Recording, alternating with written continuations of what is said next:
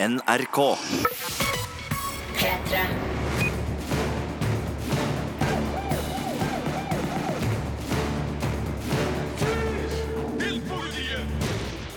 En splitter fersk utgave av Filmpolitiet er klar, og hvilken utgave det blir. I studio Birger Vestmo og Sigurd Vik. Og det er et par store filmer som har premiere denne uka. Først og fremst Avengers Infinity War, som hadde verdenspremiere på onsdag. Og Wes Andersons Isle of Dogs, som har vanlig fredagspremiere. De to har jeg sett, mens du, Sigurd, har sett et par andre premierer. Ja, jeg har sett litt mer sånn fransk feinschmecker-film som heter Dobbelt begjær, som er full av sex, Birger. Og så har jeg sett uh, ukas grøsser, nemlig Ghostland. Vi har møtt noen av de aktuelle personene fra ukas premierefilmer, nemlig Benedict Cumberbatch, som spiller Doctor Strange, og Tom Holland, som spiller Spiderman i Avengers Infinity War. Vi har møtt Breaking Bad-stjerna Bryan Cranston, som er en av stemmene i Isle of Dogs. Og så har jeg møtt finske Jonas eh, Sotamo, som spiller ja, Han spiller Chewbacca i Solo av Star Wars Story, som har premiere nå i mai. Han har nettopp vært på norgesbesøk. Så det her blir litt av et filmpoliti. Det er bare å benke seg med kinosnopet. Filmpolitiet. P3. Filmpolitiet anmelder film. Tell me his name again. Thanos. He's a plague, Tony. He invades planets. He takes what he wants. He wipes out half the population. He sent Loki. The attack on New York. That's him. This is it. What's our timeline? No telling. He has the power in space stones. That already makes him the strongest creature in the whole universe. If he gets his hands on all six stones, Tony, He could destroy life on a scale hitherto undreamt of. Og jeg skal si det med en gang at jeg skal spoile veldig lite av handlinga i Avengers Infinity War, annet enn det som er kjent fra før, da, de store trekka. Ja, Det bør du, for det er sikkert mange som allerede har rukket å se den, men det har ikke jeg, Birger. Nei. Eh, Jeg skal ikke se den før på søndagen, så du skal ikke si noe om uh, noe som er viktig, og ikke Nei. si noe om Skal ikke gjøre det, men jeg kan si at uh, den tredje Avengers-filmen er en massiv mastodont av en superheltfilm. For uh, filmen den er lang, den er svær, den er støyende på alle mulige måter, både med hensyn til det du ser og det du hører, ikke minst. Det jeg er mest eh, nysgjerrig på altså Vi har jo sett det før i sånne Get Together-filmer som The Expandables osv., hvor store store actionstjerner samles i eh, uvanlig stort antall.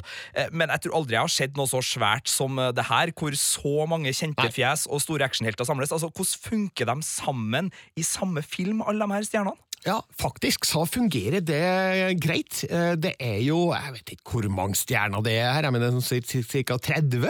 Eh, Men eh, hver og en av dem får sin bit av historien, og har jo ikke mye tid på seg til å eh, sette sitt store preg på videreverdighetene, men manusforfatterne av Infinity War har greid å skape en helhetlig handling ut ifra flere fragmenterte handlingstråder.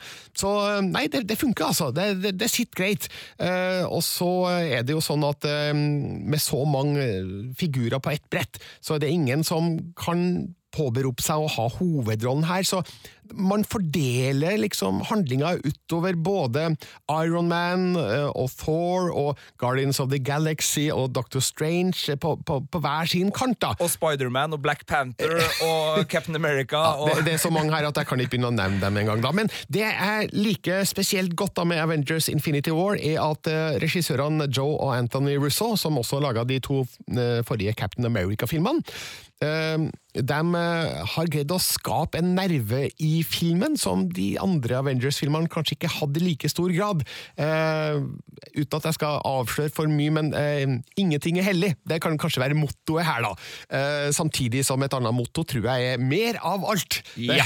mer folk, mer action, flere historielinjer.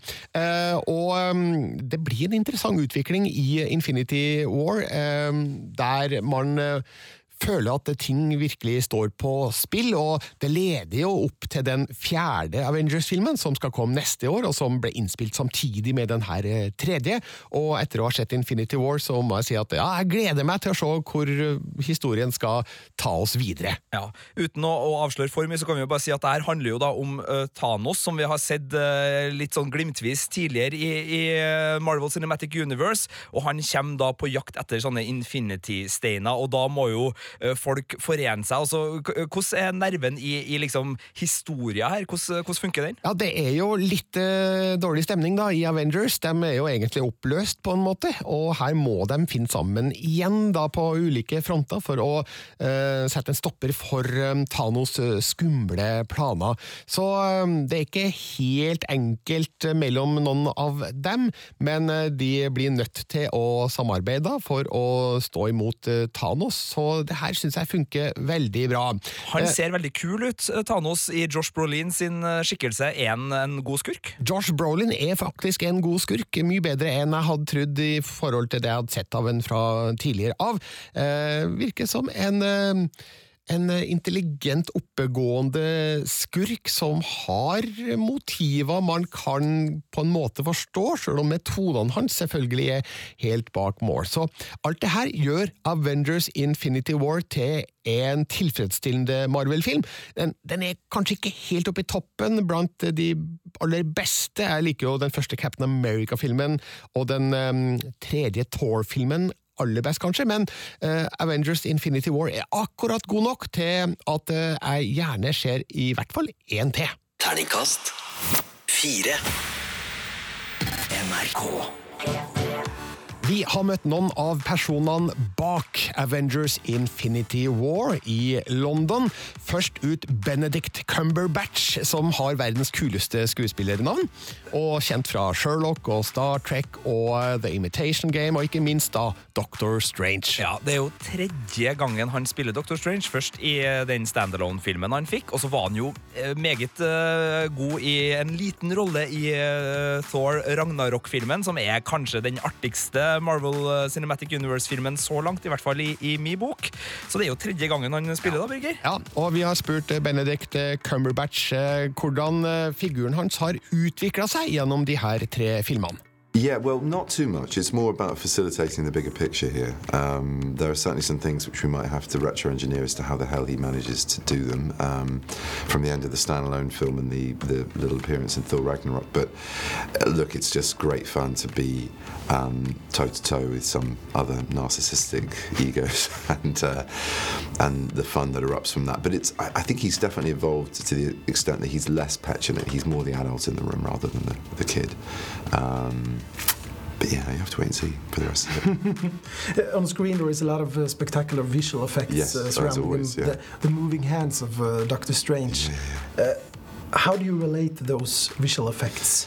Yeah, you feel a bit silly sometimes, but you know, like all acting, you're committing to lies, you're committing to smoke and mirrors, you're just sort of trying to pretend that stuff that's not there or not happening is happening and that you're you are in circumstances that aren't your own. So it's all pretend and play. So you just have to to sell it well, you have to commit to it. It's when you let that thought drop that you feel a bit silly in front of a green screen with nothing coming out of your hands that it can get a bit irksome. But um, you know, even in the the kind of live action stuff that Marvel, I think, do so well. They bleed that with the SFX, and I think that's what makes them sort of truly special. Um, you have kind of real world jeopardy mixed in with this extraordinary stuff. You get the feeling, you know, okay, fine, if I commit to this, there is a smouldering wreck of a car here. There is, you know, there is enough stuff in my horizon to, to play with. And then imagination takes over, and the boys in the back room do their most extraordinary work to create these environments. I sted spurte vi Benedict Cumberbatch hvordan det er å spille Doctor Strange for tredje gang i Avengers Infinity War. Det er jo en annen skuespiller som også gjentar sin figur for tredje gang i denne filmen. Tom Holland starta som Spiderman i Captain America Civil War, så fikk han sin egen standalone-film, og da igjen da tredje forsøk på Spidey-rollen. Han er jo også den tredje Spiderman jeg vet om, etter at både Tobey Maguire og Andrew Garfield har gestalta rollen, men altså den tredje gangen for den tredje Spiderman. Ja, og Tom Tom Hallen eh, forteller at han begynner å føle seg komfortabel i rollen. Um, you know, we're becoming like best friends. he's a great character, and uh, I grew up loving him. Um, it's a huge honor to play Spider-Man. You know, I mean, he's one of the most beloved characters in the world. Um, so the fact that I've been given this crazy opportunity is pretty surreal. Um, but you know, I, I love I love Spider-Man, and uh, it's a real dream come true. I just have to ask you: Are you afraid of spiders? I am.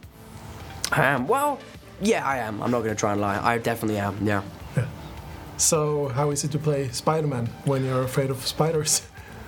Well, funnily enough, there's not that many spiders in the movies. You know, in my movie, I don't think there was a single spider. Actually, no, that's not true. There is a spider. Um, little challenge to the fans: see if you can find the spider. Do you have a Spider-Man costume at home? Uh, yeah, actually, I do. Actually, yeah, I do have a Spider-Man costume at home. It's a morph suit. It's really uncool. Uh, but uh, but no, I do have a Spider-Man costume. When do you wear it? I haven't. The last time I wore that suit, I was going to uh, a fancy dress party, which turned out not to be a fancy dress party. So I was the only one dressed up. I was wearing a Spider-Man. skin-tight Spider-Man costume. but who's laughing now? No. What kind of mood does the young Peter Parker bring to this crowd of older and sort of uh, war buddy group of, of Avengers? You know, he's the youthful one. You know, he brings a very positive energy, even though he's in a situation which is quite scary.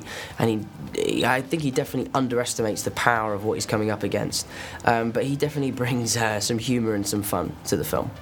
Det sa Tom Holland, som eh, altså føler seg vel sammen med de noe eldre medskuespillerne i persongalleriet i Avengers Infinity War. Ja, altså Jeg hadde følt meg ganske grei i en ny gjeng hvis jeg hadde hatt eh, sånn edderkoppjuice strømmende ut av eh, håndleddene og, og klart meg ganske bra der, så Ja, og 21 år. Jeg vet ikke, Den nærmeste i alder i Avengers persongalleriet må jo være langt opp i 30-åra? Ja, de er en, det er en eldre garde, og det var derfor fase tre i Marvel Cinematic Universe begynner å gå mot tampen nå, og det er vel Spider-Man som skal få den første filmen i fase fire, hvis jeg husker riktig, men eh, her kan det være lurt å, å rådføre seg med Wikipedia hvis man eh, er veldig opptatt av hvilke ulike faser filmene tilhører i MCU.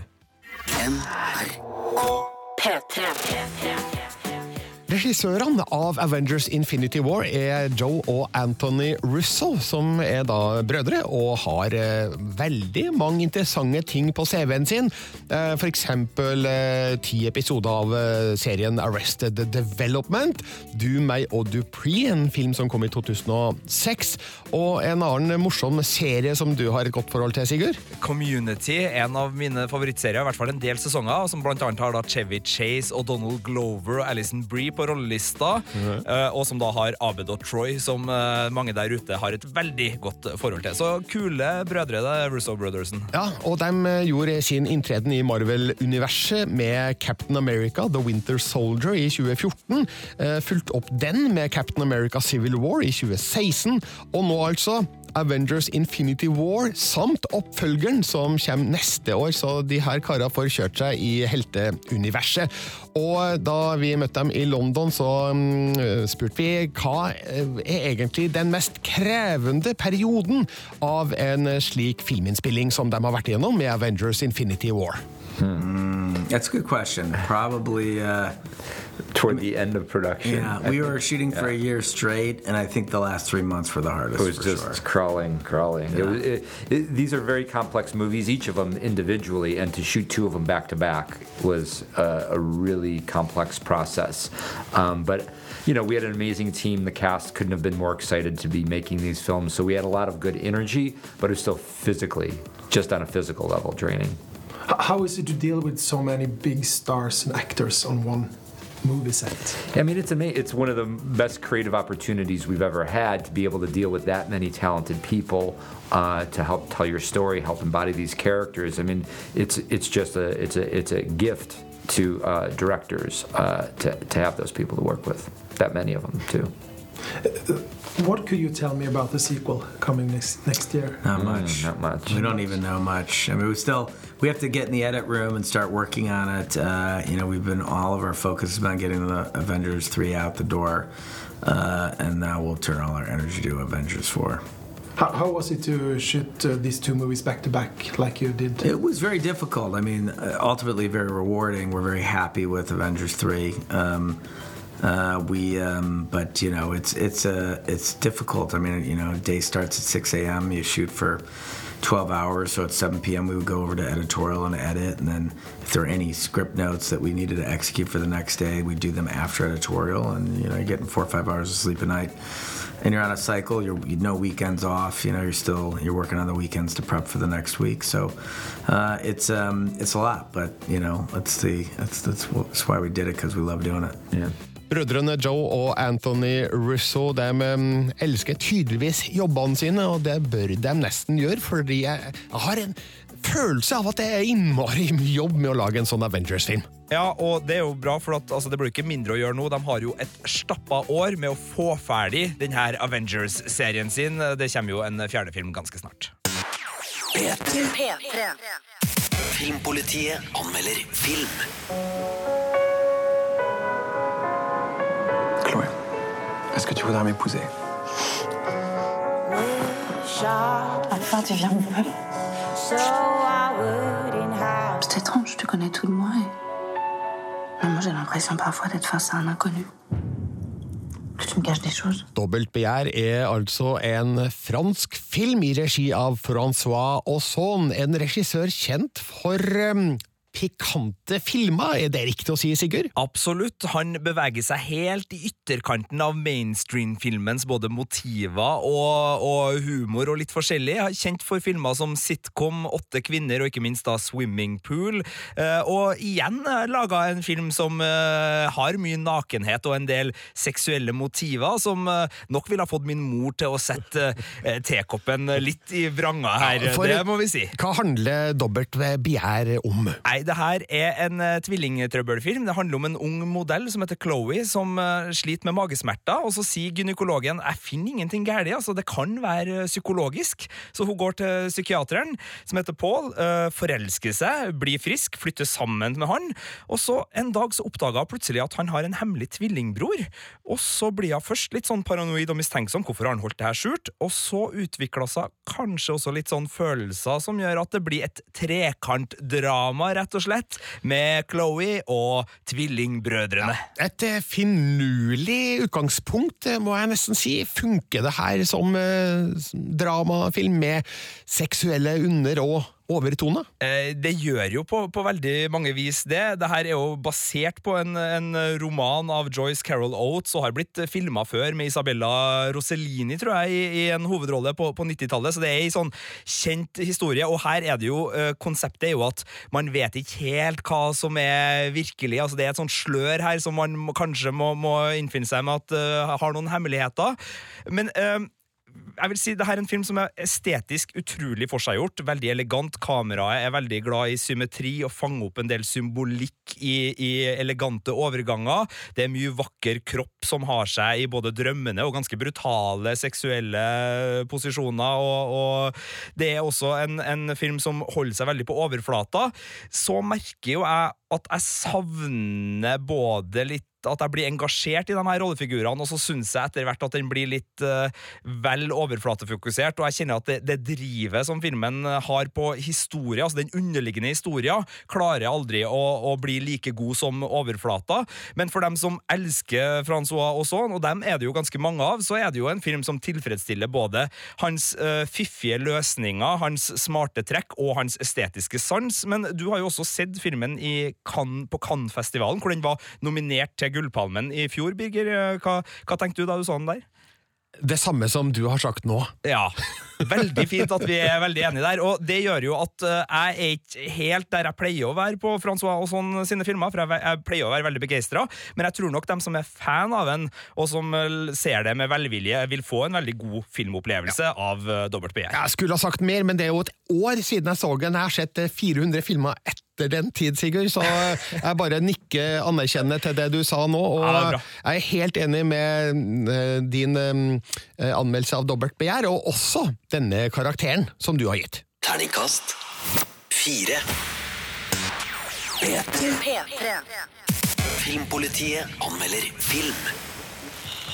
I don't think I can stomach any more of this garbage. Exactly. Same here. Words out of my mouth. Nobody's giving up around here, and don't you forget it, ever. You're Rex. You're King. You're Duke. You're Boss. I'm Chief. We're a pack of scary, indestructible alpha dogs. Atari Kobayashi, you heroically hijacked a Junior Turboprop XJ750 and flew it to the island because of your dog. Darn it. I've got a crush on you. Isle of Dogs er den nye filmen fra Wes Anderson, en filmregissør vi har stor sans for her i Filmpolitiet. Absolutt en, eh, kall en slags filmklubbfavoritt som alltid Det er alltid en begivenhet når han kommer med en ny film. Han har gitt oss øh, Hotel, Grand Hotel Budapest, han har gitt oss The Royal Tenenbaums, han har gitt oss Life Aquatic med Steve Sisu. Han har gitt oss så mange fine filmer, og, så har han en helt særegen estetikk. Det har han, og det har han også i denne filmen I Love Dogs, som er en stop motion-animasjonsfilm. Og det har han jo laga før, nemlig den fantastiske Mikkel Rev som kom for noen år tilbake. Eh, Og i I Love Dogs viderefører han eh, estetikken derfra med sin merkverdige og underfundige stil, og det på en måte som virkelig kommer til sin rett da i I Love Dogs. Handlinga her er jo lagt til et slags Japan noen år i framtida, der alle hunder er forvist fra storbyen Megasaki til en uh, søppeløy utafor som uh, heter Trash Island, og det er nettopp det den er, da. En øy full av søpla fra Megasaki. Dit kommer en tolv år gammel gutt for å lete etter sin forviste hund, som han har savnet stort. Eh, og så møter han da en hundegjeng eh, bestående av Chief, Rex, Boss, Duke og King, som bestemmer seg for å, for å hjelpe han, for de blir jo rørt av at her kommer det en eier og vil ha tilbake hunden sin. Og det blir da en sånn odyssé over Trash Island, samtidig som myndighetene i Megasaki prøver å sette en stopper for det her, for de vil jo ikke ha noe av eh, denne situasjonen. Så det her er litt av et univers å bli leda inn i, som eh, både har Wes Andersons eh, underfundige humor og merkverdige stil, og så er den tydelig inspirert av japansk eh, kultur, og spesielt da filma av Akira Kurosawa. Det sa Wes Anderson sjøl da han presenterte filmen under årets filmfestival i Berlin, at eh, det var filma han kikka mye på under forarbeidet da, til Isle of Dogs.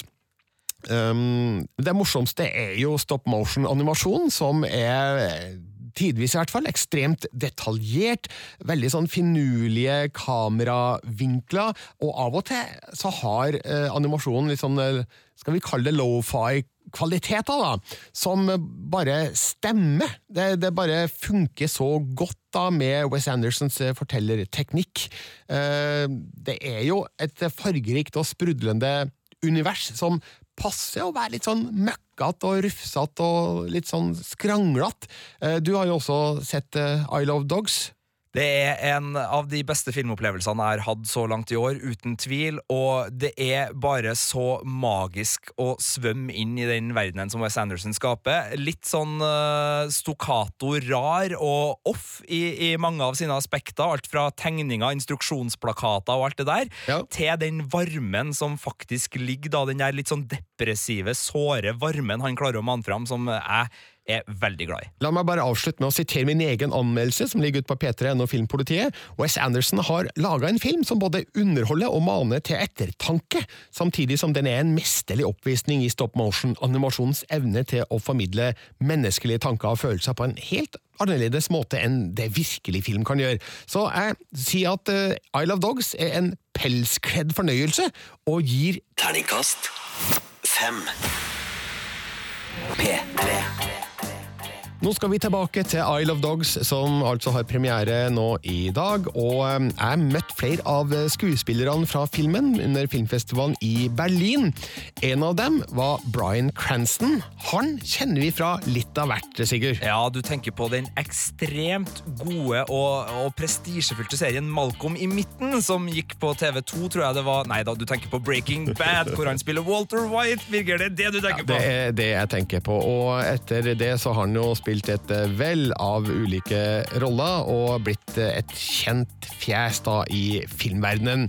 I I Love Dogs gir han stemme til Chief, en problemfylt eh, hund, kan vi si det, som da er forvist til søppeløya Trash Island og har det ikke så bra med seg sjøl. Eh, da jeg møtte han i Berlin, så kunne Cranston avsløre at han elsker hunder. I love dogs. dogs are the best. They're loyal. They're they all they want is love and play and to be walked. You know, they, they they're just and and they're so faithful. It's like wow. In the simplest form, if if human beings were more like dogs, we complicate things, don't we? We just load on all the complications to it. And when we look at dogs, we go, oh, you don't it doesn't matter that you know you still love me and i had a terrible day and and it doesn't matter. A, a, a, a dog it doesn't matter if it's owned by a wealthy person or a homeless person. They're as long as they're loved and it's like it's like oh. Ja, og Det sa Bryan Cranston om hvorfor han elsker hunder, og det er jo ikke vanskelig å si seg enig i det. Nei, Er du en hundeperson eller en katteperson? Eller? Jeg, må vel innrømme at jeg kanskje tidligere har vært mest en katteperson, men nå Akkurat nå så føler jeg meg mest som hundeperson. Ah. Jeg, har- men jeg har ingen av delene, altså. Eh, Men i Isle of Dogs så gir altså Bryan Cranston stemmen til Chief, og eh, jeg måtte spørre han eh, hvordan det egentlig var for han å gi personlighet til en hund. Hvordan går man egentlig fram da? Men da kunne Cranston si at eh, han har ikke prøvd det. Han har prøvd å gi personlighet til en eh, figur. I don't. I give personality to a, a being. So I don't think about the dog. I mean, how many, uh, we've all done this. We continue to do it. We all transfer our human feelings and conditions and personalities onto our pets. Oh, look at, she's happy. Look at, she's, she knows she's going for a ride. It's like, "Whoa, it's a-" um, so all I had to do was think, okay, what's my character? My character is a mutt. Uh, my character is uh, homeless. Okay, so what what are the possibilities of what would you be feeling if you're home? Um, anxiety, uh, insecurity. It could lead to aggression because you need to fight for space, and you don't know if you're where you're going to sleep or what you're going to eat that day, and so there might be resentment. And for those who do have everything under control, and so uh, you start developing these personality traits and bring it into the work. Det sa Brian Cranston om hvordan han i hvert fall har forsøkt å gi Chief en personlighet i I Love Dogs. Straks skal han avsløre hvorfor han elsker å spille belasta figurer på film.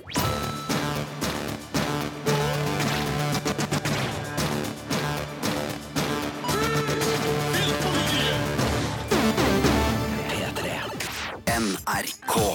P3. I sted fortalte Bryan Cranston hvorfor han elsker hunder, og hvordan han gikk frem for å gi personlighet til hunden Chief i Wes Andersons premierefilm I Love Dogs. Uh, han uh, spiller jo en figur i I Love Dogs som eh, er noe belasta, og det har Brian Cranston gjort før, Sigurd. Ja, noen vil kanskje si at en, eh, en lærer som blir eh, doplanger eh, per excellence, som Walter White ble i Breaking Bad, er en slags belasta rollefigur. Men Ja. altså, andre vil jo si en antihelt god som noen. Ja, og så har han jo spilt for eksempel Cohagen i remaken av Total Recall. Han har spilt Dalton Trumbo i Trumbo-filmen, og du hadde et forslag til, Sigurd? Ja, jeg vil jeg slenge inn Hammond Brothers, som han spiller som en arkitektlæ- Nei, en, en sånn eh, arkitektstjerne i How I Met Your Mother-serien, Ja. som er skikkelig ufordragelig, Birger. Ja. Eh, Da jeg møtte han på filmfestivalen i Berlin, så kunne Bryan Cranston fortelle hvorfor han elsker å spille belasta figurer. Han er nemlig en sjøl. I'm very attracted to damaged characters. I relate to damaged characters because I am one. I, uh, I I come from a busted up home that was filled with alcoholism and physical abuse. Um, and that didn't that what didn't become aware to me until I was 10 and then all of a sudden it just dissolved. 10 or 11 just when you start to think at that age oh I'm starting to understand that this is the construct of my family and everything. Ooh, it's not. And so it turned me very in, into an introvert very shy very unsure of myself very insecure about what to do or I mean, my whole personality was like I was like a turtle. I went into the shell and it took me years to slowly figure out well that's not working. How do I and I was basically on my own. My mother was became a, an alcoholic. My dad was gone. I, I didn't see my dad for 10 years uh, and even when I saw him again, it wasn't there. You know, it was too much. There's a lot of damage. So I had anger issues and resentment and insecurities and things like that. So I think part part of the reason I love to act so much is because it, it creates an opportunity for me to live through that vicariously and have a have a, a, a cathartic experience and and and have a therapeutic experience at, in my work. Det sa Brian Cranston, som altså er mm, en belasta person, eh, ifølge han sjøl, etter en vanskelig oppvekst med mm, et ødelagt hjem og alkoholisme. Og det har han faktisk eh, skrevet en bok om, A Life in Parts. Nå kan du høre han i eh, Wes Andersons nye film I Love Dogs, der Cranston gir stemme til hunden Chief. P3. P3. Filmpolitiet anmelder film. Okay, what's the story about? Some guy's been breaking into people's homes, murdering the parents, and sparing the daughters. He stays in the house with her, along with the parents' dead bodies. Ghostland er skrekkfilm, Sigurd. Ble du skremt? Jeg ble eh, kanskje skremt lite grann, men det er mer en fiffig og ganske morsom sjangerlek eh, vi blir med på i Ghostland, som absolutt har eh, både spøkelsesvibber, eh, spøkelseshusvibber, fæle dukkevibber og ikke minst psycho killer-vibber. Men eh, det er mer det at eh, regissør eh, Pascal Logier, hvis det er riktig uttalelse på, på denne mannen, eh, han, han har lyst til å kombinere ting på, på litt artig vis, og så har han også en, en, en greie med filmen sin i, i eh, fortellerstrukturen som jeg absolutt ikke skal avsløre, men som gjør at det her får litt sånn ekstra magekrybling og, og litt sånn ekstra driv. Ok, Hva, hva handler Ghostland om? Det er en mor med to tenåringsdøtre som er på den kanadiske landsbygda med bilen full av flyttelasse, for de har arva et gammelt hus etter en gammel tante. Skal flytte inn der, eh, men idet de driver og pakker ut, så blir de angrepet av to seriemordere som er i strøket. Det her vet vi tidligere, for på eh, bensinstasjoner de stopper, så er avisoverskriftene at det er seriemordere på ferde. Eh, Det her er seriemordere som har modus operandi drep foreldrene, eh, lek med barna. Eh, ja. Eh, og i det her huset, da, med masse gamle dukker og masse arkitektoniske krumspring, for det her er virkelig et kråkeslott som de har arva, eh, så, så blir det en ganske spennende setting. Eh, Det er kule med filmen er at den blander litt sånn Jeg vet ikke om jeg sier det her riktig, men litt sånn Nattsvermeren-aktige typete seriemordere. Altså ikke Anthony Hopkins i Nattsvermeren, men mer hans gode kamerat. Er det Billy Bo... Nei, hva heter han? Han øh, øh, han som putter penisen sin mellom beina og synger foran speilet-type massemorderen. Ja, han, ja. Han, ja. Så det er den type psycho-killer-folk her. Det her er liksom veldig, veldig sånn outrerte og fæle mordere. Uh, og så har du da den klassiske to tenåringsdøtre, en brunette, en blondine, og du har rammeverket til en rape revenge-film. Så det er, det er en artig lek her. Uh, selvfølgelig en del brutale scener, en del fæle ting som skjer, men hvis du er skrekkfilmentusiast, og kanskje også litt sånn i den mer litt sånn morbide horror-humor-delen av skrekkfilmuniverset, så vil du nok eh, kunne dra på smilebåndet, sjøl om det er forholdsvis gyselig, det som eh, vises på skjermen. Eh, Så, så det, det funker ganske bra. Samtidig så er det jo et problem at filmen lener seg veldig på ting du har sett før, noe som gjør at den blir forutsigbar i veldig mye, og den blir litt sånn litt tam i perioder, og så er det ikke bare bare å stå i spagaten mellom de ulike stiluttrykkene hele tida, fordi ulike skrekkfilmsjangere krever ulik driv og ulik mytologi og ulik eh, stemning, og der skorter det av og til litt, og så syns jeg at den store hemmeligheten dessverre eh, kommer litt for tidlig. Mm. Jeg skulle ønske at han klarte å holde kortene litt tettere til brystet, men er du glad i skrekkfilm? Ghostland, altså. En absolutt fornøyelig eh, opplevelse. Terningkast fire. P3. Nå skal vi over til en eh, finne som spiller en rolle i den kommende Solo av Star Wars Story. Han heter Jonas Suotamo og har rollen som ingen ringere enn Chewbacca. Det er en kul eh, rolle å ha på CV-en sin, det. Det er en kongerolle å ha på CV-en sin, og han har jo blitt litt sånn grooma inn i den rollen her, hvis det er lov å si grooming når det gjelder den hårete skapningen. Men det er jo da eh, Peter Mayhew som er kjent som den originale Chewbacca, som har hatt han som sånn understudy underveis på de nye Star Wars-filmene. Ja. og nå får han da prøve seg på, på egen hånd. Eh, en basketspiller på 2,08 eh, med landskamper for Finland. Ja, som i tillegg har studert eh, filmvitenskap. Det er en eh, litt spesiell kombinasjon, tror jeg, men eh, nå kan det se ut som at han virkelig får satt seg ordentlig i, i Hollywood, da, så får bare håpe at det er et, et ras av roller som krever skuespillere på over to meter på sokkelesten. Det vil jeg tro det er rikelig med Ja. behov for, og hvis ikke så har han også vært forsikringsselger, ifølge sin egen Wikipedia, så han har jo noe å felle tilbake på. Eventuelt så kan han spille høy forsikringsselger. Ja, Han har nå nettopp vært på norgesbesøk. Jeg møtte Jonas eh, Suotamo på Grand Hotel i Oslo i går. So, Jonas, how did you end up playing this iconic character in the first place? Well, I got the role through my uh, extensive basketball background, I, I think, because they called the Finnish Basketball Association looking for a seven footer with blue eyes, and uh, they knew me there, so uh, they connected me with the casting, and uh, that's, that's what happened. That's where it all started. You were a Chewbacca double for Peter Mayhew in the, the Force Awakens. Uh, what did he teach you about playing Chewbacca? Uh, he taught me. We did this uh, week-long Wookiee boot camp, and uh, we went through. It was sort of like a college basketball scouting uh, before the before a big game. Uh, we watched tape. We analyzed uh, what he did, and I gave my input. And uh, he said, "You better do it this way," or you know. So it was very uh, interactive and uh, very helpful uh, to do. And uh, I learned how to, you know, walk with my uh, chest chest high and just kind of uh, finessed my um, my in- intuitions about the head movements and the bobbing of the. And it's just this kind of very specific kind of um, walk that Chewbacca does that that's so endearing to us. But when you're inside a suit, uh, how can you act? What, what tools do you have at your disposal?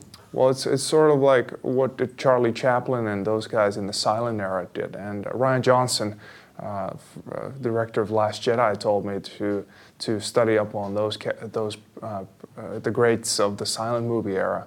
And uh, that helped me a lot too, because you gotta, you gotta just learn to simplify and, uh, uh, but also express something, uh, a desire or fear, uh, with, with just your movements and, uh, and maybe a little noise, noise. But yeah.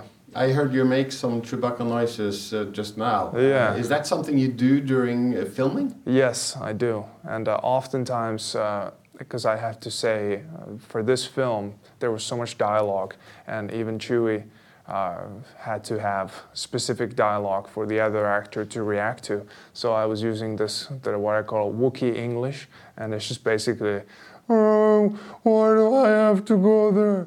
You know, uh, that, that's what I do. Uh, mostly with, with Alden, and he got pretty good at uh, recognizing my already muffled because of the mask voice.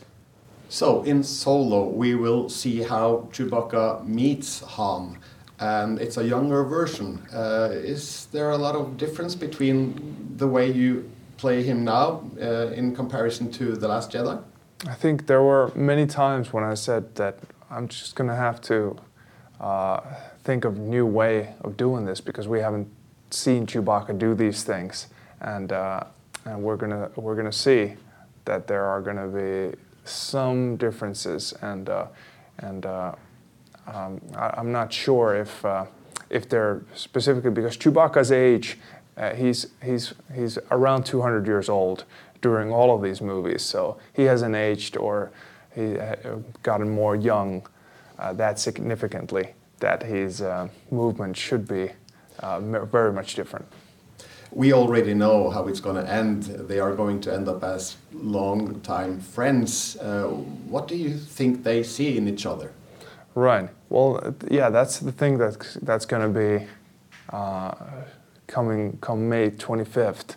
You're going to see how that relationship evolves, and uh, I think it's going to be a combination of their uh, developing chemistry and also the adventures that they face that are going to form that bond. And how exactly that happens, we're just going to have to see.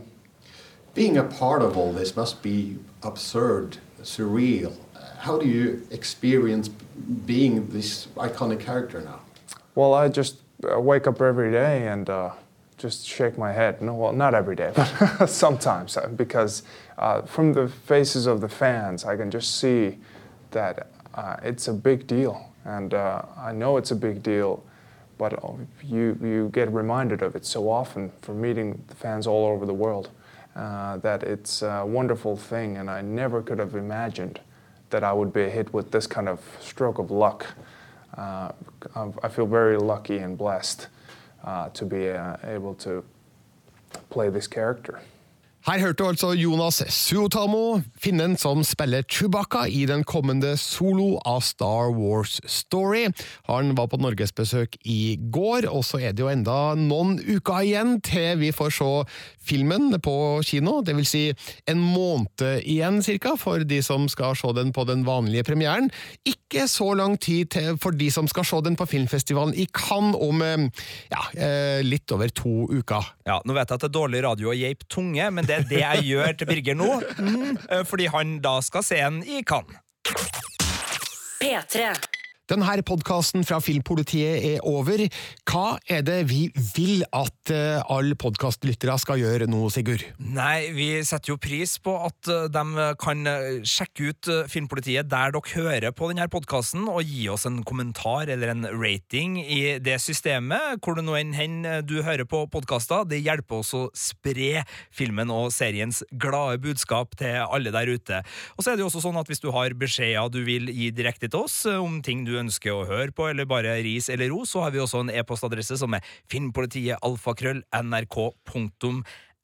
I tillegg så er det jo verdt å nevne at vi har enda en podkast på gang. Ja, altså det her er jo ganske generell nerding, men hvis vi skal mer dedikert inn i nerdinga, mer dedikert inn i Westworld-nerdinga, så har vi selvfølgelig en egen podkast for det, så sjekk ut den. Ligger også her hos Filmpolitiet sine podkaster, hvor vi snakker om Westworld-episodene, og ikke minst alle fanteoriene om hva det er som foregår i den verden. Vi er tilbake med en ny podkast om en eh, liten eh, uke, og da blir det flere filmanmeldelser, blant annet eh, Truth or Dare, The Hurricane Heist og I Feel Pretty med Amy Schumer i hovedrollen. I feel pretty. Inntil da sier Birger Vestmo tusen takk for følget. Jeg vet ikke hva Sigurd Vik sier. Ha det! Du finner flere podkaster på p3.no podkast.